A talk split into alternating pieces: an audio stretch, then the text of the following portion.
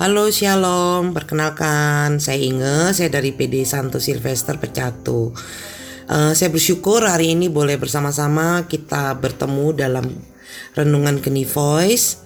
Hari ini kita mendapatkan bacaan yang sungguh luar biasa dari saya 50 ayat yang keempat hingga 9a. Nah, dari judulnya saya sudah sangat uh, tersentuh ya di mana di sini dikatakan tentang ketaatan hamba Tuhan. Saya baca singkat.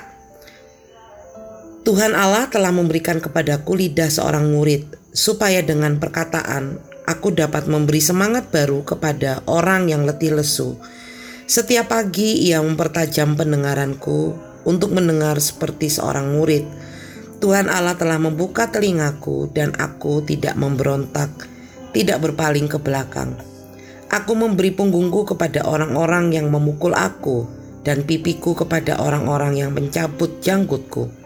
Aku tidak menyembunyikan mukaku ketika aku dinodai dan diludahi. Tetapi Tuhan Allah menolong aku sebab itu aku tidak mendapat noda. Sebab sebab itu aku meneguhkan hatiku seperti keteguhan gunung batu karena aku tahu bahwa aku tidak akan mendapat malu. Dia yang menyatakan aku benar telah dekat. Siapakah yang berani berbantah dengan aku? Marilah kita tampil bersama-sama. Siapakah lawanku berpekara? Biarlah ia mendekat kepadaku. Sesungguhnya Tuhan Allah menolong aku. Siapakah yang berani menyatakan aku bersalah? Sesungguhnya mereka semua akan memburuk seperti pakaian yang sudah usang ngengat akan memakan mereka. Ini saya habiskan ayat 9-nya. Oke. Kira-kira nah dari judulnya ya tentang ketaatan di mana pembelaan Tuhan atas hambanya yang taat. Nah, kenapa kira-kira berkat penyertaan Tuhan itu selalu ada untuk orang-orang yang taat dan setia?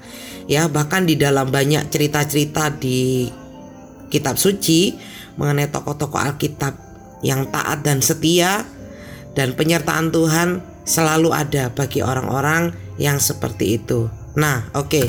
Mungkin kalau kita mau melihat ya, arti taat sebenarnya itu apa? Nah, seperti yang saya sudah pernah baca, di mana taat itu memiliki arti senantiasa patuh, patuh kepada Tuhan, kepada pemerintah dan sebagainya, ya.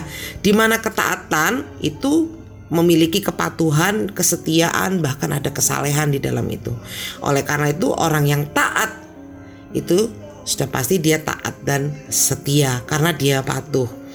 Nah, kalau andai kata misalnya kita punya punya karyawan ya, misalnya Anda punya karyawan dan karyawan Anda itu taat, dia patuh, bahkan dia setia, rajin, jujur.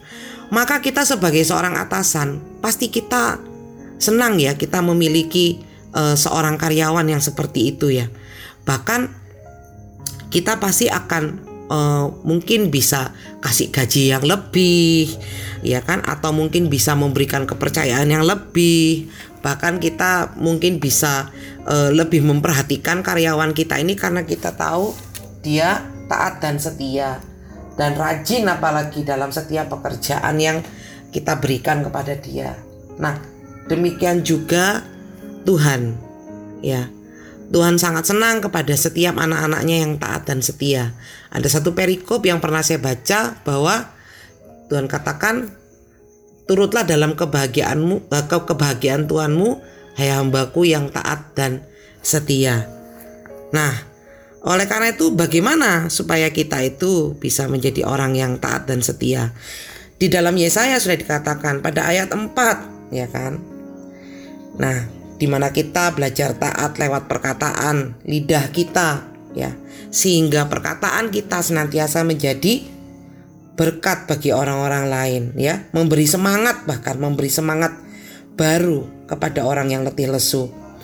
Lalu pada ayat 4b di mana seorang yang bisa uh, yang taat itu bisa menjadi seorang pendengar, mempunyai telinga seorang murid, mau mendengarkan apa yang Tuhannya katakan, apa yang Tuhan katakan pada kita. Kalau Tuhan bilang jangan, maka jangan dilakukan ya. Tidak memberontak. Nah, seperti yang di ayat yang kelima, ya. tidak memberontak dan tidak berpaling ke belakang. Di mana mungkin apa yang menjadi keinginan Tuhan tidak semuanya sesuai dengan apa yang menjadi keinginan kedagingan kita. Tetapi di sini kita belajar bahwa kita mau taat dan setia. Lalu yang terakhir, sabar ya pada ayat yang keenam di mana kita mau sabar, kita mau uh, setia, ada pengampunan di situ sehingga apa yang menjadi uh, karakter Kristus ada dalam kehidupan kita.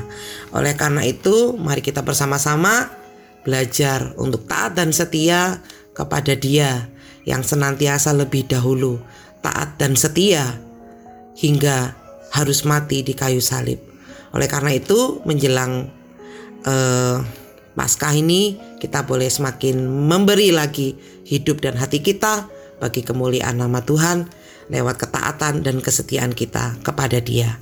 Terima kasih Tuhan Yesus memberkati. Amin.